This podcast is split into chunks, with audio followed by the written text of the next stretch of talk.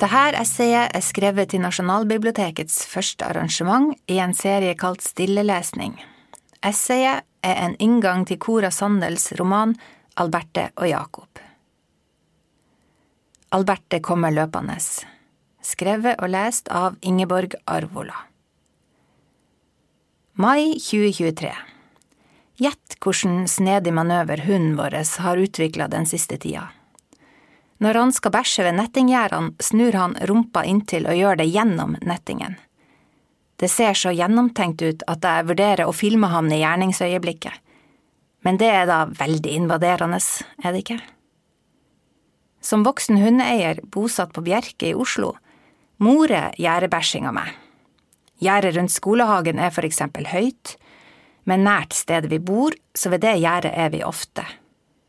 Bæsjer han gjennom nettingen der det er tett buskas på andre sida, lar jeg det ligge. Bæsjer han i nærheten av parsellene, går jeg tilbake seinere. Hvis jeg husker det. Med hundepose og nøkkel låser jeg meg inn og plukker opp etter oss. Så er det hagegjerdene av netting. Det er en del av dem i nabolaget. Det er frekt å bæsje gjennom andre sine gjerder, inn i hagene deres. Noen ganger har jeg klatra over et gjerde og plukka opp i all hast. En gang reiv jeg opp buksa mi i skrittet. Det hender jeg står og rister av latter utenfor de her gjerdene mens jeg pønsker ut en plan. Hunden vår blir ikke frivillig med noen steder, så hvis jeg drar han med inn i fremmede hager, kommer de bremsende bakbeina til å ødelegge plenen. En gang gikk jeg inn i hagen uten hund og plukka opp. Da sto ei eldre dame i vinduet og glodde på meg. Jeg blei sjeldent synlig der i hagen med bæsjeposen i hånda. Hun åpna vinduet da jeg var på vei ut, og hun sa, Du kan ikke gjøre fra deg i hagen min. Her starter teksten min om Cora Sandels roman Alberte og Jakob, ved sida av hunderumpa som presser seg mot nettingen og leverer en pakke. Kanskje fordi det er dette iakttagende som er så fortærende godt skrevet fram av Sandel. Eller opplevelsen av å bli iakttatt. Denne godt skrevne opplevelsen er grunnen til at jeg misliker Albert og Jakob. Jeg mener misliker i betydningen det treffer så godt, det rammer i mellomgulvet. Særlig mitt unge jeg ble redd av å lese om Alberte. Alberte får gjennomgå i familien sin, og menneskeheten får gjennomgå ført i pennen av Cora Sandel. Hun er nådeløs i sin beskrivelse av mennesker i sosiale sammenhenger, men også varm og nær den innerste kjernen i et menneske. Kanskje er det der Alberte og Jakob er sterkest, i det at Alberte får fortsette å være rødmende og stiv blant andre, hun skal ikke løses. Romanens svar er ikke å slutte å rødme eller å tilpasse seg omgivelsene, men tvert imot å stå på sitt og kjempe for det som er en sjøl. Alberte må selge sitt mest dyrebare smykke for å betale en pengesum Jakob har pådratt seg i fylla.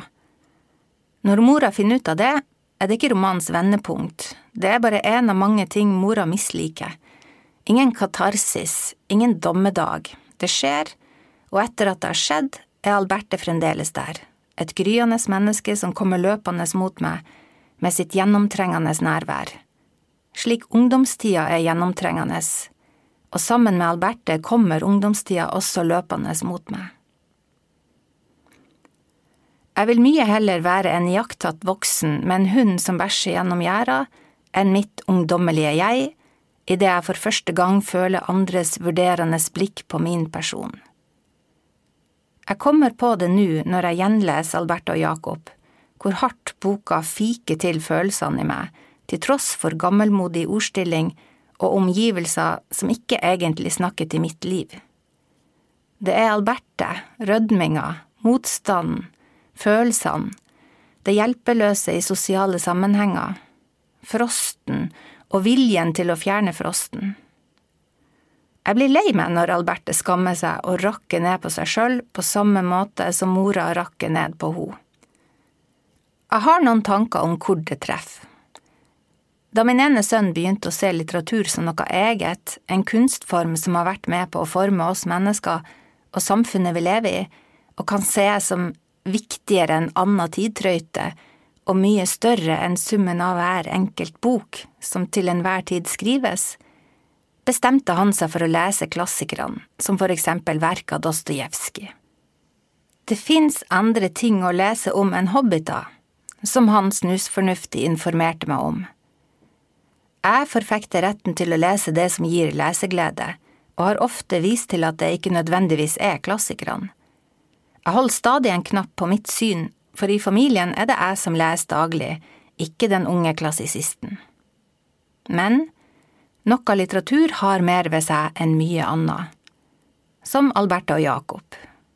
Boka er en av våre klassikere.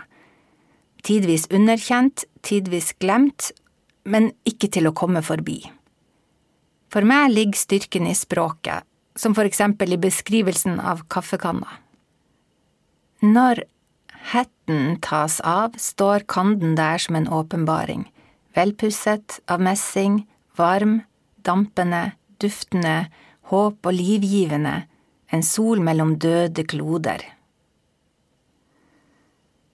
Språket trekker leseren til seg slik kaffekanna trekker til seg Alberte. Kanskje årene Sandel arbeida med malerier ga hun et eget blikk hun tar med seg inn i skriften. I tillegg tror jeg forfatteren sjøl skinner gjennom å skape klangbunn. Jeg kan ikke forestille meg at Cora Sandel var uanstrengt selvsikker i sosiale sammenhenger. Med språk og ærlighet blir Alberte-skikkelsen så virkelig for meg at jeg i lange tider legger henne vekk. Hun er for levende. Hun lever sitt liv i teksten og lever samtidig gjennom meg og mine erfaringer. Karakterene i våre klassikere treffer på tvers av tid og rom. Der mange forherliger den mildt sagt sjølopptatte hovedpersonen i På sporet av den tapte tid, er Alberte en av mine favoritter. Men det er godt vi har klassikere for enhver smak, ikke alle må like Alberte. Ikke alle må beundre Sandel sitt språk, men jeg tror vi alle kan være enige om at det er noe eget ved karakterene og språket i romanene som blir stående. En annen grunn til at romanen treffer, er at den foregår i Tromsø. Alberte springer fra nedrebyen opp i øvrebyen, oppover, oppover, til hun når landeveien, som ovenom de siste husene fører innover i amtet. Hun gløder i ansiktet, og hjertet slår som en hammer. Hun er hjemmefra, hun er varm, hun er alene. Uvurderlige goder, alle muligheters begynnelse, hver dag styrter hun opp bakkene i samme rasende tempo for å vinne dem. Alberte springer innover Myrvollene.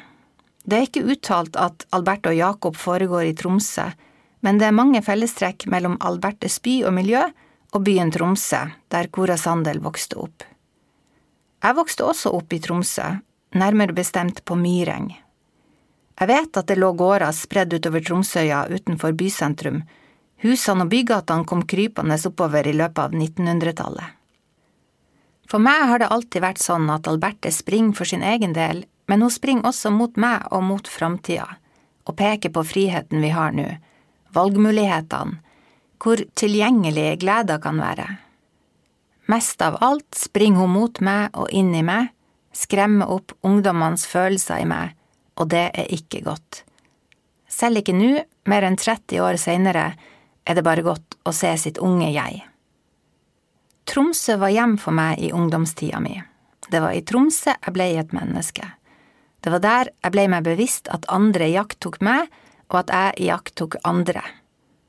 Det var vanskelig å finne ut av. Forferdelig, kan jeg kanskje si. Gjennomtrengende, siden å være bevisst og bli betrakta følger en inn i skjul, inn i ens egne rom for det sitter i bevisstheten. Det er et av de største skillene i livet mitt, før, etter. Nå som både mora og stefaren og faren min alle er døde, kan det hende jeg skriver en bok som heter Tromsø 1980, som løs oppfølger til Neiden 1970, for der er det masse å ta av, for å si det mildt.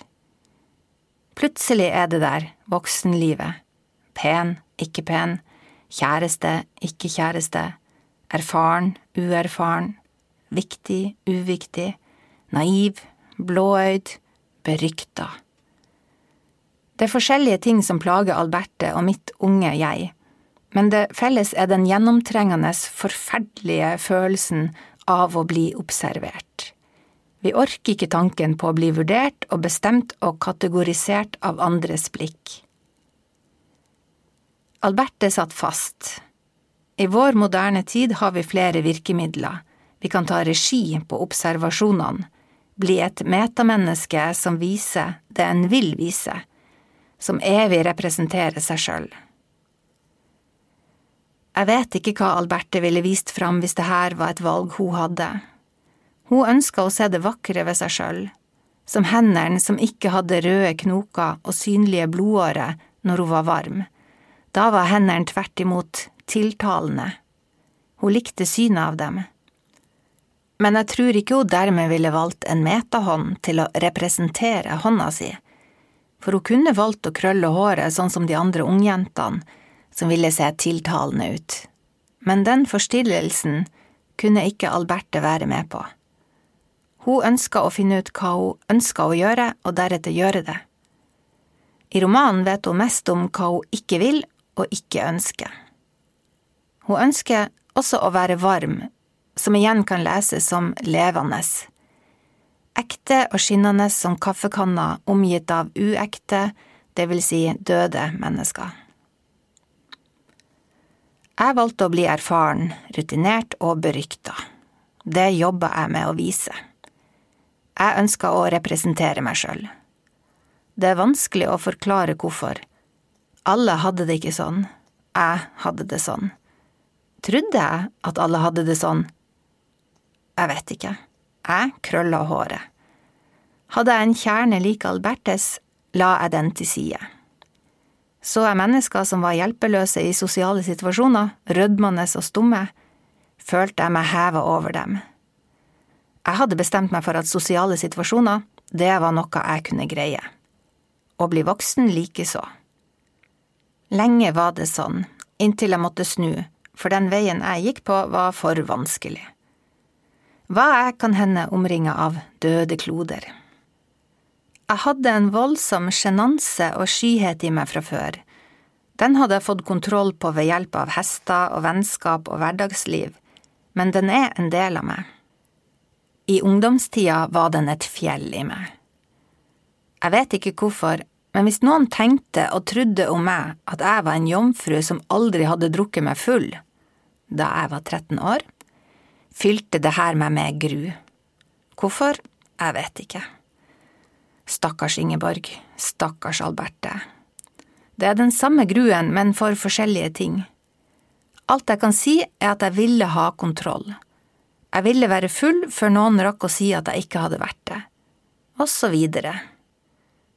Hvilke taktikker jeg hadde? Løgn og bedrag. Blant annet. Alberte kommer løpende mot Myreng og meg, og jeg blir minnet på ting og skulle ønske jeg hadde slappa litt mer av på det kjøret der. Kanskje sett min egenverdi, slik noen ser Albertes egenverdi utover i romanen, sjøl om hun er et naut i sosiale sammenhenger. Jeg skulle ønske jeg lot meg være mer naut som ung.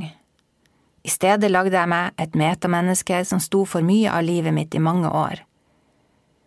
Kanskje dette er en av grunnene til at jeg er skeptisk til sosiale medier.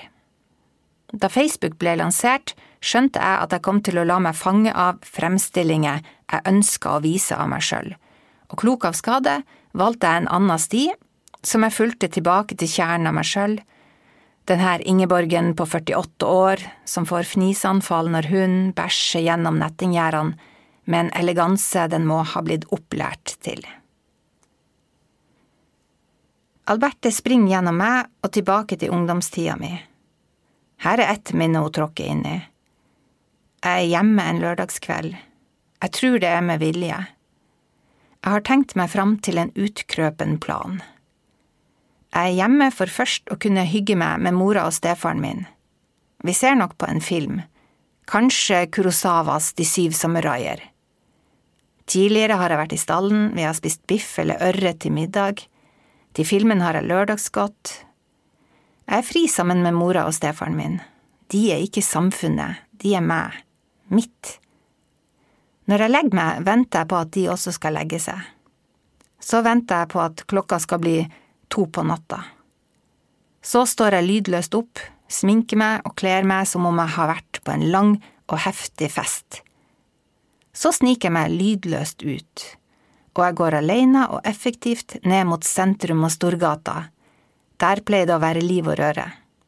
Det er der vi henger fordi andre henger der. Vi er alle for unge til å komme inn på utestedene, bortsett fra når vi styrter inn noen steder ved jevne mellomrom. Men vi må hjem klokka tolv når vi er der og henger.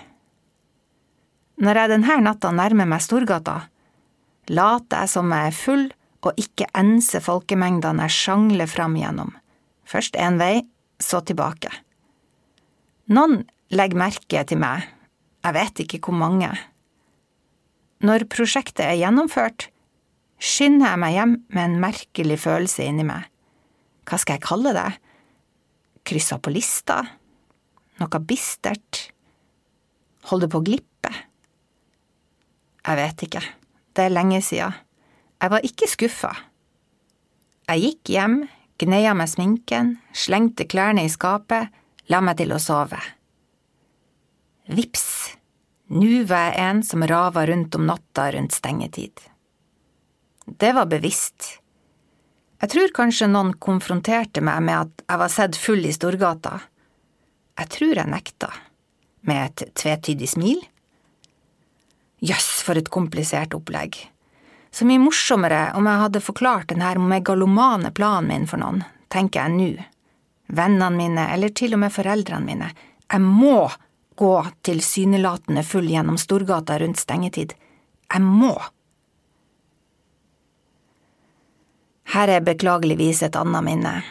Jeg faller, med vilje, ned trappene og bakkene da vi rava rundt i ungdomsfylla i Tromsø. Jeg liker å gi slipp, høre mine venners forferda utrop idet jeg tråkker ut i løse lufta og lar meg falle. Av en eller annen grunn velger jeg dette bildet av meg sjøl, så full at hun ikke kan stå på beina. Det er et anerkjent bilde blant ungdommer i Tromsø på denne tida, men ikke bare. Er det andre bilder som er verre å ha knytta til sin person? Som sky? Snill? Sorgfull, skremt, smart? Eller er det bare det å ha kontroll på bildet av seg sjøl, bestemme hva andre ser når de ser? På en Stengte dører-konsert på Ungdommens hus er vi som vanlig så fulle som det har vært mulig å bli uten lovlig tilgang på alkohol og med lavt budsjett.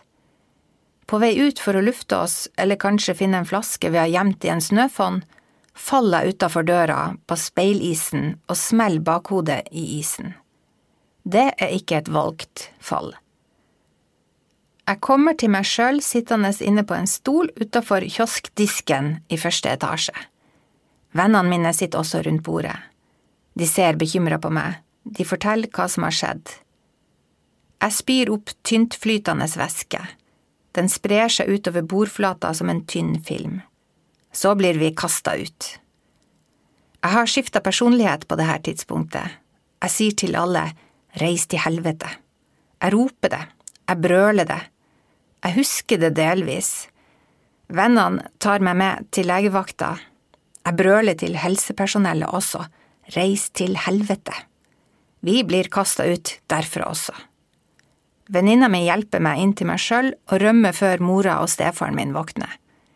Men de våkner. Det er gjerne det man gjør når noen roper reis til helvete. Jeg fortsetter en stund til. Stefaren min våker over meg denne natta og vekker meg hver halvtime. Jeg har fått hjernerystelse og må være hjemme fra skolen i flere uker. Vi har noen samtaler rundt kjøkkenbordet jeg må fortelle hva jeg har drukket, og hvordan jeg fikk tak i det. Jeg holder meg til sannheten.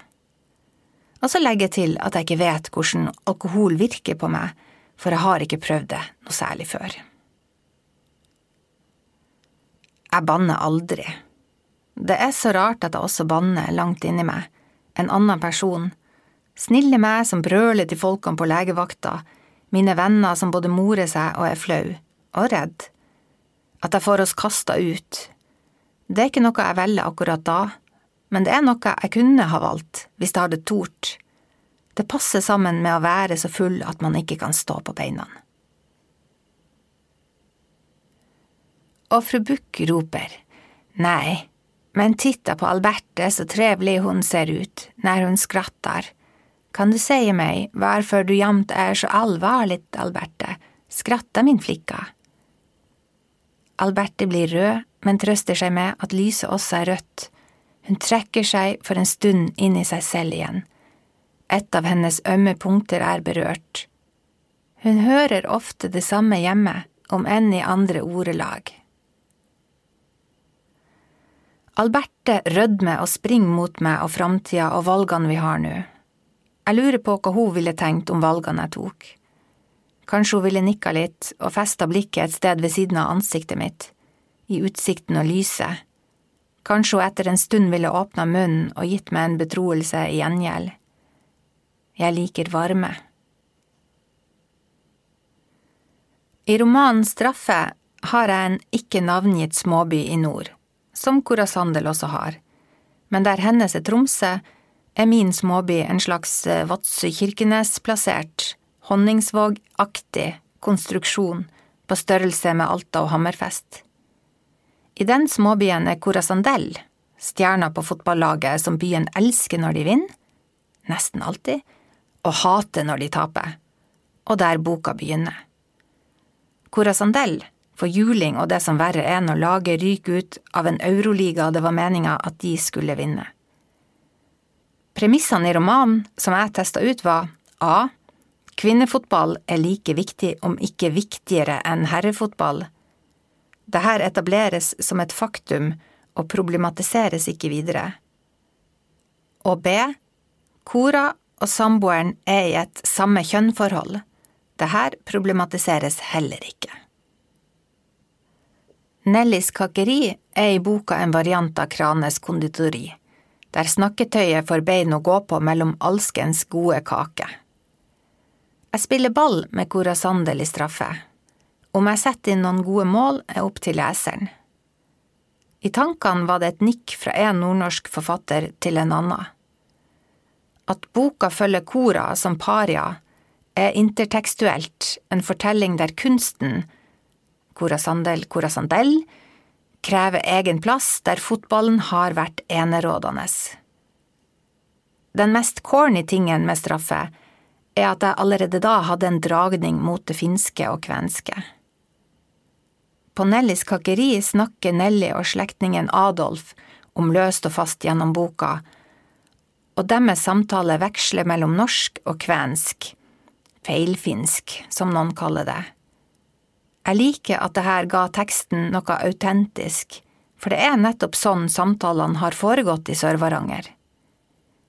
Ikke minst likte jeg tanken på at leseren ville tro at Ingeborg Arvola kunne kvensk, nordfinsk. Jeg skrev samtalene på norsk, så tok jeg delsetninger fra samtalen og ga til faren min, og spurte om han kunne oversette dem til sin finsk, altså slik de snakka det seg imellom i Neiden. Faren min oversatte setningen. Jeg satte setningene inn i teksten. Boka blei utgitt. Ha! Ingeborg Arvola behersker kvensk. Siden har jeg skjønt at setningene verken er kvensk eller finsk, det er bare rot og tull. Det er setninger som ikke gir mening. Hvorfor det ble sånn? Jeg vet ikke. Kanskje faren min var full. Høy promille kombinert med den innfløkte grammatikken finsk språk bygger på. Det var til pass for meg. Ingeborg Arvola som ville late som hun kan kvensk og så er det bare visvas. Jeg har ikke rødma som Alberte når jeg tenker på mulige situasjoner. Jeg har fnist og grugleda meg. Det er et så uhyre lite felt. Noen setninger i boka til Arvola som 15 mennesker leser. Det var karma, tenker jeg. Kanskje det var karma for å framstille seg som noe man ikke er. Det er talende at det her var måten jeg nærma meg Kora Sandel som voksen, uhøytidelig og sleivete. Jeg har fremdeles problemer med å være like gjennomtrengende som Kora Sandel er i Alberte og Jakob. Jeg har også en større optimisme i meg enn både Alberte og hennes skaper. Jeg tror ikke alle blikk er fordømmende. Iakttagelser er iakttagelser. Noen av dem tillegger man mening som ikke er der. Kanskje Alberte, og Cora Sandel, ble ekstra synlig fordi de var særegne, de skilte seg ut, like mye som venninna Beda, men i motsetning til Beda var Alberte usikker. Hun hadde en forferdelig mor, og moras misnøye leste hun inn i andres blikk. Men frosten. La oss avslutte med frosten. Den er sentral i Albertes kropp. Frosten kan leses som mer enn seg sjøl. En menneskelig forvitring i familier, samfunn, sosiale lag, der vanene har større verdi enn ønskene, der det vanlige alltid trumfer det særegne. Alberte blir varm når hun er for seg sjøl. Da slipper hun så mye fri at hun bokstavelig talt blir en ekstra Alberte, ei anna jente som følger med henne og er i henne når hun er aleine, og som forsvinner straks noen nærmer seg. Alberte blir varm i forstørra glimt, som når hun stjeler kaffe og koks til ovnen på rommet sitt. Det her blir litterære kontraster til Frosten som nesten aldri slipper tak i henne. Hun må ut og vekk og videre for å finne varmen som kaffekanna hinter om. Broren Jakob kommer seg vekk fra de stivna formene og forventningene. Fra sin posisjon som fri kan han være seg sjøl og gi Alberte penger. Frosten beskrives også i teksten som ødeleggende. En av grunnene til at Alberte ser seg sjøl som uskjønn, er at hun er blek og frossen og forhutla, samt de nevnte røde, frosne knokene på hendene. Når Alberte ikke fryser, altså når mennesket har fått varme, frihet i seg, blir det vakkert. Frosten er også konkret. Jeg husker jeg la spesielt merke til det i triologien til Ragnhild Nilstun, som også har skrevet nordfra. Hovedpersonen der gifter seg godt og blir av de her bedrestilte menneskene i en småby nordpå. Det betyr egentlig at de ikke har kua, som småbrukerne har, og de fisker ikke, som de som driver vekseldrift gjør. De må kjøpe både melk og fisk, der de fleste rundt dem har i hvert fall det, melk og fisk. Og de må bo med mer plass enn kroppene deres varmer opp, slik familien til Alberte gjør. Alle andre bor nokså overfylt, har jeg lært av å skrive kniven i ilden. For de vanlige husene besto ofte av én stue eller to, der man sov, jobba og spiste, og der minst to familier bodde, og gjerne noen til i slengen. Når man bor tett, er en varmekilde deres egne kropper, de små rommene lar seg varme på en annen måte enn to ekstra stuer som ingen bruker. Eller soverommene til hver især. Det er konkret og interessant. Ingen var så rik som de som hadde en ku og en båt. Albertes familie hadde ingen av delene. Hvor mange av oss har kuer og båter i dag?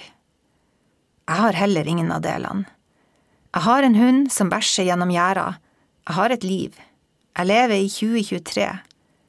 En dag kommer jeg til å være død, men nå som jeg lever, kan jeg lese resten av Alberte-triologien, hvis jeg vil. Jeg kan lese Anna som gir meg leseglede, hvis jeg vil. Jeg kan finne ut hva jeg vil gjøre, og gjøre det, som et nikk til Alberte. Se, der kommer hun løpende, rett mot meg, og hun gamle dama i vinduet som sier at jeg ikke skal gjøre fra meg i hagen hennes, jeg gir hun tommelen opp.